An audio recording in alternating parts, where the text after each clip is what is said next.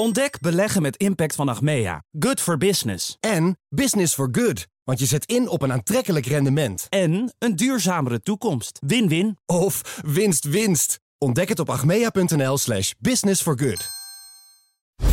Cryptocast wordt mede mogelijk gemaakt door BitTonic. Al tien jaar lang de bitcoin-autoriteit van Nederland. BNR Nieuwsradio. Cryptocast. Herbert Blankenstein. Welkom in de Cryptocast. Vandaag de cryptosector daagt DNB voor de rechter in zaken hoge toezichtskosten. De voorzitter van de branchevereniging doet zo straks zijn verhaal. En de Amerikaanse Securities and Exchange Commission beschuldigt Binance in een nieuwe zaak van misbruik van geld van klanten en zelfs van liegen tegen toezichthouders en investeerders. Dit is Cryptocast 275 met eerst een half uur crypto nieuws op de radio. Daarna gaan we door als podcast over ons geldstelsel met Martijn van der Linden. Hartelijk welkom. Dankjewel. Was hier eerder, lector New Finance aan de Haagse Hogeschool. En mijn co-host is Paul Buitink, Managing Director van Holland Gold. Hartelijk welkom. Hi. Wij geven geen beleggingsadvies. Vorm je eigen mening, maak je eigen keuzes en geef ons niet de schuld. Crypto kan lucratief zijn, maar is ook riskant. Paul, de Nederlandse cryptosector en toezichthouder uh, DNB vochten vorige week een juridisch conflict uit in de rechtszaal. De cryptobedrijven vinden de kosten voor toezicht te hoog. Hebben ze gelijk?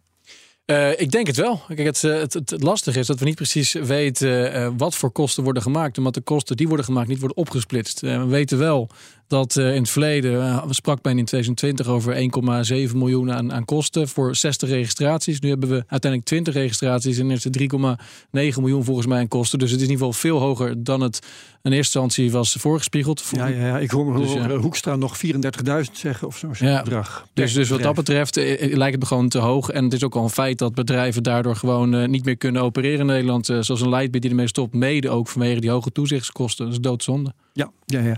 Uh, Martijn, jij enig idee um, waarom de relatie tussen de cryptosector en DNB zo stroef is?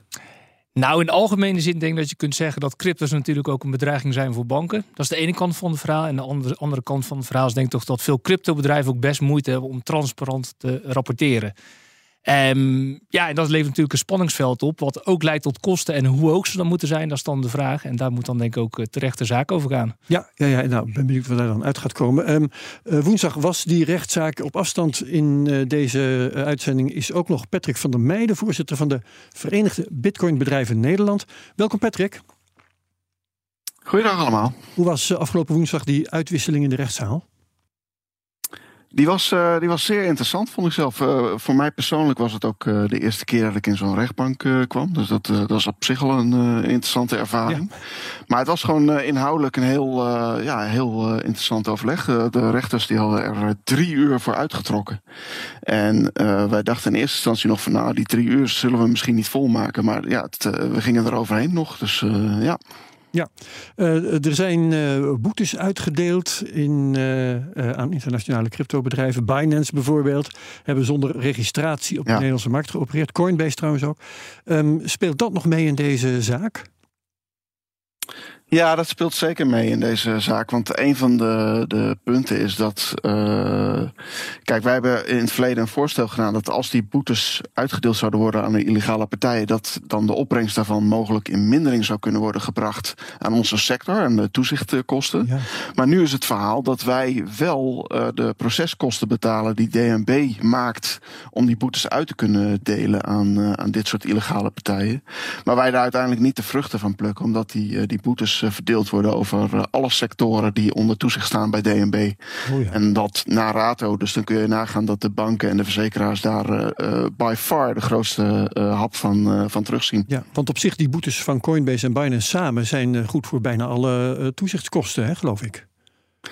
Maar orde van ja, klopt. Maar een, een, een, deel daarvan vloeit dus terug naar, naar alle sectoren. Waarbij ja. onze sector dus maar een heel klein deel ziet. En een ander deel gaat terug naar de, naar de staat. Dus het had inderdaad een mooie oplossing geweest kunnen zijn. Maar ja, daar, daar is geen, geen gehoor aan gegeven. En, maar het is, kijk, als je het gewoon nog iets breder trekt.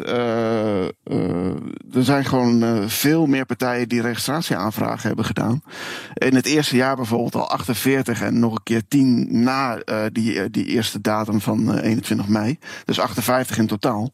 Ja, aan het eind van het jaar waren er maar 15 uh, door het poortje. En dat betekent wel dat die 15 partijen de kosten dragen voor, voor dat ja, zogenaamde registratieregime. Wat kennelijk toch wel even iets meer is dan een, een stempelprocedure zoals ons ja. door Hoekstra is, is voorgeschoteld. En, en, en ja, de strengheid van de toezicht. Ja, al, al die eisen waaraan voldaan moet worden, dat ontmoedigt veel bedrijven. Daardoor blijven er weinig over. Daardoor zijn de kosten te hoog.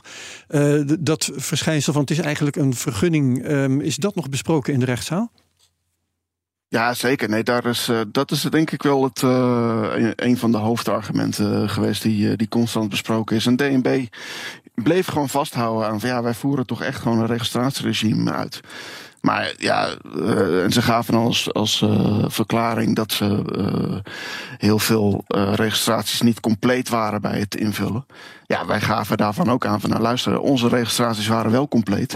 En die werden ook niet binnen de gestelde twee maanden door de stempelprocedure gehaald. Ja, met ons bedoel je Bitkassa, zijn nog hele. Heb ik dat goed? Nee, nee, nee. De, de, de, van, de, van de leden van VBNL ah, die bezwaar hebben okay, gemaakt, zeg maar. Ja. Oké, okay, dat Els bedrijven. Dus dat, ja, dus kijk, normaal gesproken zou dat binnen twee maanden zou, zou zo'n registratie voltooid moeten zijn. Uh, uh, en dan moet je gewoon verder kunnen als bedrijf. Ja. Nou, en nu werden er allerlei extra eisen opgeworpen. Nou, de wallet-verificatie, hij staat jullie waarschijnlijk ook nog wel, nog wel bij. Er staat natuurlijk een, een zeer helder voorbeeld van. Maar kun je tijdens zo'n rechtszaak wel wat opmaken uit de, het soort vragen dat de rechter stelt, wat de houding is van de rechter, hoe die gestemd is? kon dat dit keer ook? Ja, niet helemaal hoor. Je, je, ik, uh, sowieso uh, moet ik echt zeggen dat ik uh, aangenaam verrast ben door het kennisniveau van de, van de rechters. Ze hadden echt heel goed de dossiers doorgenomen. Dus dat is, dat is sowieso heel positief. En je, ja, je krijgt gewoon, zowel DNB als wij, kregen gewoon, gewoon kritische vragen. Ja. En ja, het, het, valt niet helemaal uh, af te lezen hoe dat dan uiteindelijk gaat, uh, gaat uitpakken. Wat wel uh, de afdronk die wij wel hadden, is dat wij het gevoel hadden dat wij wel goed onze standpunten hadden kunnen, okay. kunnen overbrengen. Dat we dat, ja. dat we dat prima hadden kunnen belichten. Dus en om, daar hebben we nou wel een prettig gevoel over. Ja, jou nog voor te leggen wat DNB zegt. Die zegt, ja, crypto is een sector met hoog risico. Geen wonder dat die toezichtskosten hoog zijn. Dat is ja, op zich plausibel niet. Ja, zeker. Maar ook daarvan heeft, uh, heeft de Raad van State gezegd van ondanks dat deze sector een hoog risico is, ben je gewoon gehouden aan een registratieregime. En dat is dus geen uh, reden om daarvan uh, van af te wijken. En nou, daarvan heeft het ministerie van Financiën ook gezegd uh, dat op te gaan volgen. Ja, oké. En dat, ja, dat blijkt in de praktijk gewoon erg lastig ja. door, door DNB. Wanneer komt de uitspraak? Normaal gesproken na zes weken, maar de rechters die gaven al aan dat het een vrij complex dossier was. En dat ze niet helemaal overtuigd waren dat ze dat binnen dat termijn gingen halen. en dat we dan na vijf weken uh, een reactie zouden krijgen uh, hoeveel tijd ze mogelijk nog nodig gaan hebben als ze die zes weken niet redden. nou, de, we gaan daarop wachten. En uh, als, dat, als daar een reactie komt, als daar een uitspraak komt, dan gaan we het natuurlijk weer met jou over hebben. Dankjewel, Patrick van der Meijden, voorzitter van de Verenigde Bitcoin Bedrijven Nederland. We gaan naar de prijzen met Bert Slachter. Die komt ook op afstand tot ons. Hallo Bert. Hey, goeiedag. Ja, uh, ja het is uh, kabbelen geblazen met uh, Bitcoin in de Bitcoin Alpha. Jij bent, je bent analist bij kennisplatform Bitcoin Alpha. Daar schrijven jullie: er is eigenlijk een externe impuls nodig in deze markt. Wat zou dat kunnen zijn? Ja, we hebben gekeken naar het gedrag van verschillende groepen gebruikers van het Bitcoin-netwerk. En dan zie je dat de groep die in november, december, januari gekocht heeft, de afgelopen weken een deel van de winst genomen hebben. Die mensen die stonden soms op 100% winst, dus dat is niet zo gek. En de groep die al veel langer Bitcoin bezit, jaren, die is nog niet begonnen met verkopen. Dat doen ze doorgaans namelijk pas boven de voorgaande all-time high. De laatste fase van de boelmarkt. En dat, dat, dat zorgt ervoor dat de markt nu in een soort neutrale zone terechtgekomen is. Een evenwicht waarbij geen van die groepen nu heel erg geneigd is om te verkopen. Maar er is ook nog geen grote instroom van nieuwe gebruikers of investeerders of speculanten. En het gevolg is, we zien de handel wat afnemen. Het volume daalt wat, de volatiliteit daalt wat. Naar het niveau wat we ook eind december, begin januari zagen. En de markt is een soort afwachtend van wat er gaat komen. En daarom zeiden we van nou ja, dan, dan, dan is het wachten op een impuls die de markt uit dat evenwicht brengt, waardoor het een kant kiest. Nou, dat kan verschillende dingen zijn vanuit de cryptowereld. We zagen gisteren een aanklacht tegen Binance. Nou ja, dan zie je dat de koers meteen wat doet. Niet heel erg veel trouwens, maar, maar wel iets. Ja, precies. Het kunnen hacks zijn of bugs of aanvallen of een verbod of wat dan ook. Of dingen buiten de cryptowereld. Hè. Dat schuldenplafond dat hing natuurlijk boven de markt. Of problemen met het banksysteem of de obligatiemarkt, de recessie. Dus dat soort dingen kunnen dan um, ja, de markt weer een bepaalde richting, een nieuwe trend eigenlijk starten. Ja, maar iets als uh, nou, het gaat wat beter met de economie, dat is daarvoor onvoldoende. Klopt. dus een nieuwe boelmarkt is in eerste instantie een gevolg van nieuwe adoptie. En mensen die wereldwijd allemaal om hun eigen reden op een bepaald moment crypto beter vinden dan de alternatieven die ze hebben. Omdat ze vluchten uit een land, omdat ze willen sparen of betalen met een andere munt dan hun overheidsmunt. Het versturen van dollars vanuit het buitenland, games, metaverse, NFT's, wat het dan ook is. En die adoptie in de loop der tijd zorgt voor een geleidelijke overgang van dalende koersen van vorig jaar naar in de toekomst weer stijgende koersen. Van pessimisme, wat we zagen en ook nog wel zien, naar nieuw optimisme.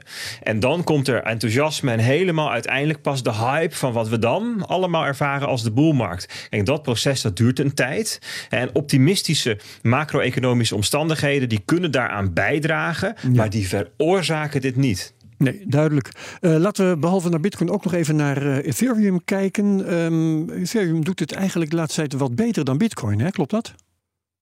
Ja, opvallend goed doet hij het.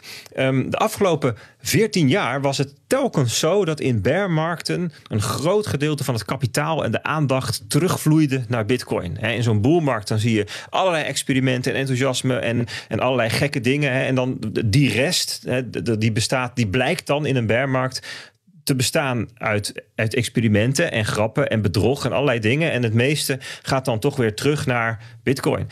En deze bearmarkt zien we dat eigenlijk opnieuw bij vrijwel alle altcoins. Met name in de afgelopen vijf, zes maanden.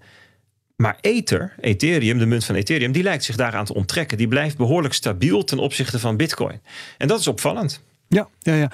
Um, er was een rapport van Van Eck uh, met een uh, vooruitblik naar zelfs 2030. Uh, en de, ze kwamen met een base case, zo'n soort verwachtingswaarde zeg maar, hè, van een prijs van 12.000 dollar voor die ether.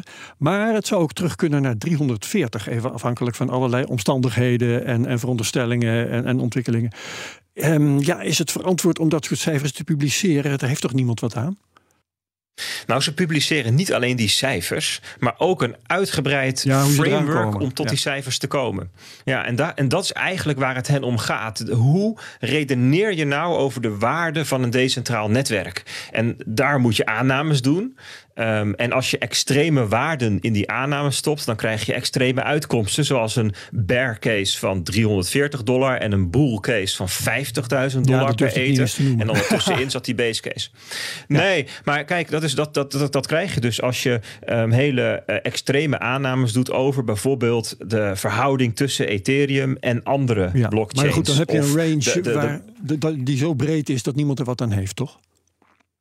Nou, ik vind het juist eh, verstandig dat ze um, dit doen. Um, en dat ze ook die extreme uitkomsten laten staan. Want daarmee voorkomen ze de schijn van het exact weten. Ja, en ze zeggen niet, dit wordt het.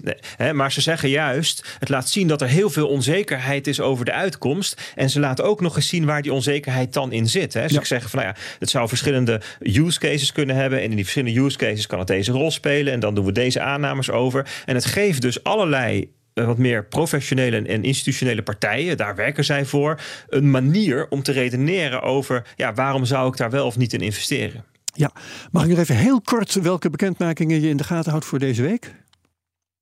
Deze week niet zo ontzettend veel. Volgende week wordt spannender. Dan hebben we de inflatiecijfers in de Verenigde Staten op dinsdag en het rentebesluit van de uh, centrale bank op woensdag. Oké, daar komen we dan volgende week lekker op terug. Dankjewel Bert Slachter. Meer details in uh, de digitale nieuwsbrief op bitcoinalpha met ph.nl. Oké, okay, Paul en Martijn, de, de, Amerikaanse Securities and Exchange Commission, die sleept Binance voor de rechter. Bert noemde het al. En het is niet eens de eerste zaak tegen Binance in de VS, Paul. Wat eh, zijn de beschuldigingen deze keer precies? Ja, deze keer gaat het uh, vooral om het aanbieden van tokens die eigen securities zijn. daar waar in maart met, met de CFTC het ging om het illegaal eigenlijk aantrekken van Amerikaanse klanten en het toestaan van witwassen en criminele activiteiten, gaat het nu om het overtreden van, van de securities wetgeving. Ehm, maar goed, we hebben ook nog de Justice Department die bezig is. Dus het lijkt er wel op alsof de instituten over elkaar heen buitelen om, om Binance aan te pakken. Dus vanuit verschillende kanten wordt er nu gericht op Binance geschoten. Ja, ja. en waarom speciaal Binance? Omdat ze de grootste zijn? Ja, by far zijn ze inderdaad de grootste. Bert gaf net al even aan in de analyse dat de, de volumes zijn wel wat aan het zakken. Maar bijna zit nog steeds een, dagelijks volume van zo'n 12 uh, miljard dollar. Uh, maar uh, vorig jaar hadden ze wel gemiddeld 60 miljard of zo. Uh, dus dat zijn enorme bedragen. En de nummer 2 en 3 komen er niet in de buurt. Ter vergelijking bijvoorbeeld Kraken heeft een volume van zo'n 800 miljoen. Um, Coinbase iets meer dan een miljard. Dus dat, dat, dat verbleekt. De dominante dus, partij. Dus als Binance zou omvallen, dan zou het natuurlijk enorm effect hebben wereld, wereldwijd. Ja. Maar goed, het is vooral in Amerika nu waar de pijlen op Binance gericht zijn. Maar in Nederland natuurlijk ook al een boete gehad van 3,3 miljoen, waar we eerder over hadden. Dus het, is, het zeker niet alleen Amerika uh, waar ze nu um, Binance proberen aan te pakken. En is dat ook inderdaad levensbedreigend voor Binance? Is de Amerikaanse markt heel belangrijk voor Binance of niet? Nou, uh, niet zo belangrijk als het, die markt wordt eigenlijk steeds minder belangrijk. Het is natuurlijk vooral. Uh, um, er zijn in heel veel landen hebben ze wel inmiddels een registratie. Hè? Dus ze kijken in Dubai, in Australië en een aantal Europese landen.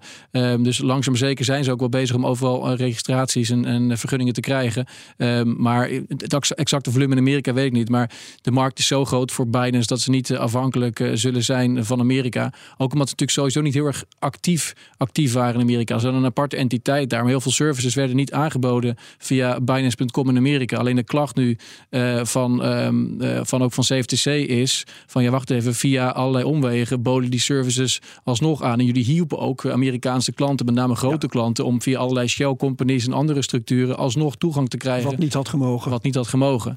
Um, maar hoe, kijk, hoe, hoe, hoe sterk is Binance? Dat is een beetje onduidelijk. Omdat in tegenstelling tot bijvoorbeeld Coinbase uh, zijn ze niet uh, publiekelijk uh, genoteerd aan een beurs en weten we niet veel over de gezondheid. in maart gaf de eigenaar of de, de CEO CZ nog aan van ja, we hebben genoeg reserves en, en ook in het verleden zijn er wat cijfers bekendgemaakt. Bijvoorbeeld voor mij in 2020 hadden ze nog een miljard winst.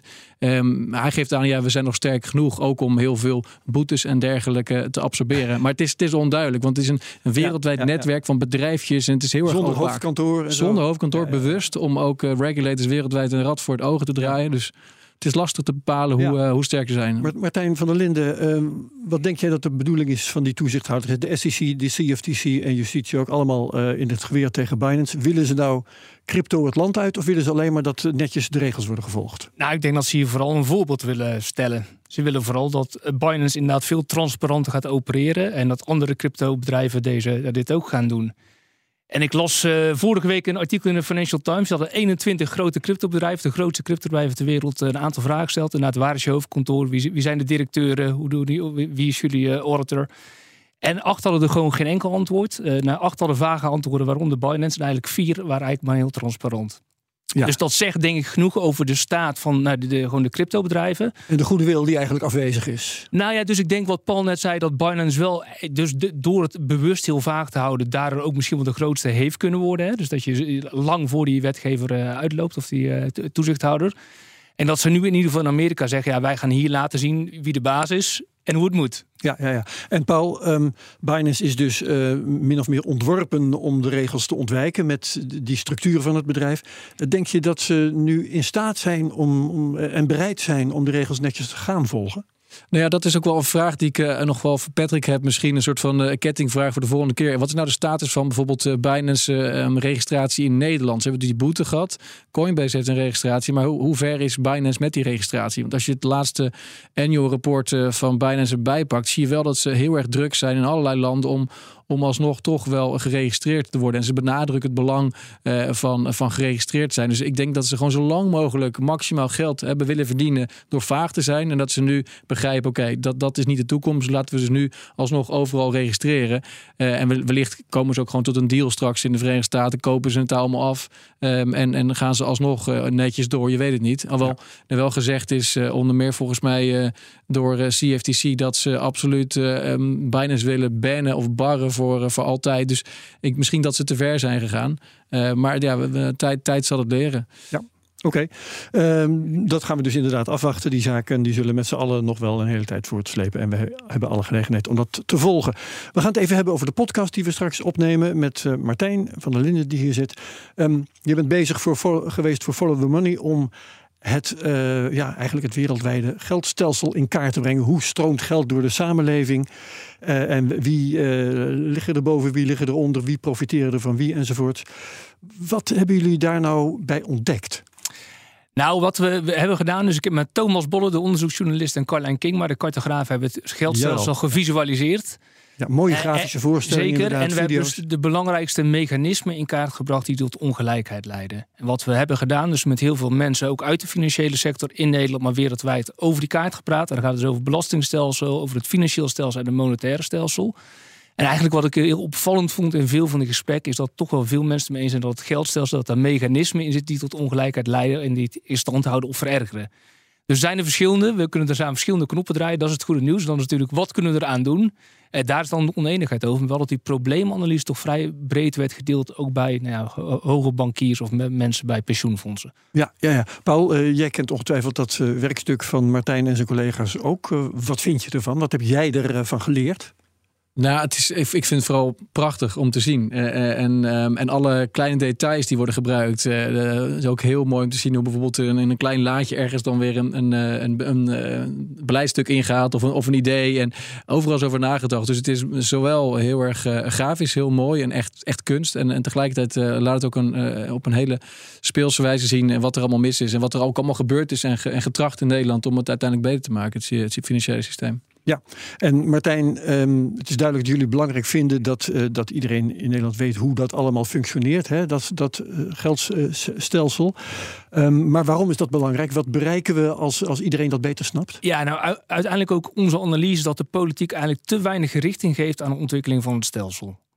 En de politiek gaat dat alleen maar doen als meer mensen het belangrijk vinden. En om het belangrijk te vinden moet je ook weten hoe het werkt. Laat er maar Gods water over Gods akker lopen om even in de sfeer van jullie Ja, nee, zeker. Dus, dus wij, dat, is, dat is heel goed. Wij gebruiken de metafoor van uh, geld is water. Dus dit is het waterwerk van ja, ons geld. Ja, ja. En we hebben bewust ook die metafoor van water ge, uh, gebruikt om het toegankelijker te maken. Dus ook heel die financiële taal. Nou, je hoort het al in deze uitzending. Er zit veel jargon. Dus veel mensen kunnen niet begrijpen. En wat we hebben gepoogd door het te visualiseren. Ja. Maar het ook te beschrijven in die taal van geld is water. Het toegankelijk, toegankelijker te maken voor een groot publiek. Oké, okay. gaan we straks uh, heel gezellig en uitgebreid over praten. Uh, tot zover deze CryptoCast op BNR. Bedankt twee gasten, Martijn Jeroen van der Linden, lector aan de Haagse Hogeschool. Bedankt co-host Paul Buitink van Holland Gold. Wie meegaat naar de podcast, heel graag. Wie niet meegaat, ook prima.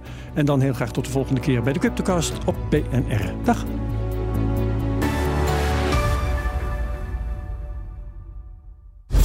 CryptoCast wordt mede mogelijk gemaakt door BitTonic. Al tien jaar lang de Bitcoin-autoriteit van Nederland. Ontdek beleggen met impact van Achmea. Good for business. En business for good. Want je zet in op een aantrekkelijk rendement. En een duurzamere toekomst. Win-win. Of winst-winst. Ontdek het op achmea.nl slash business for good.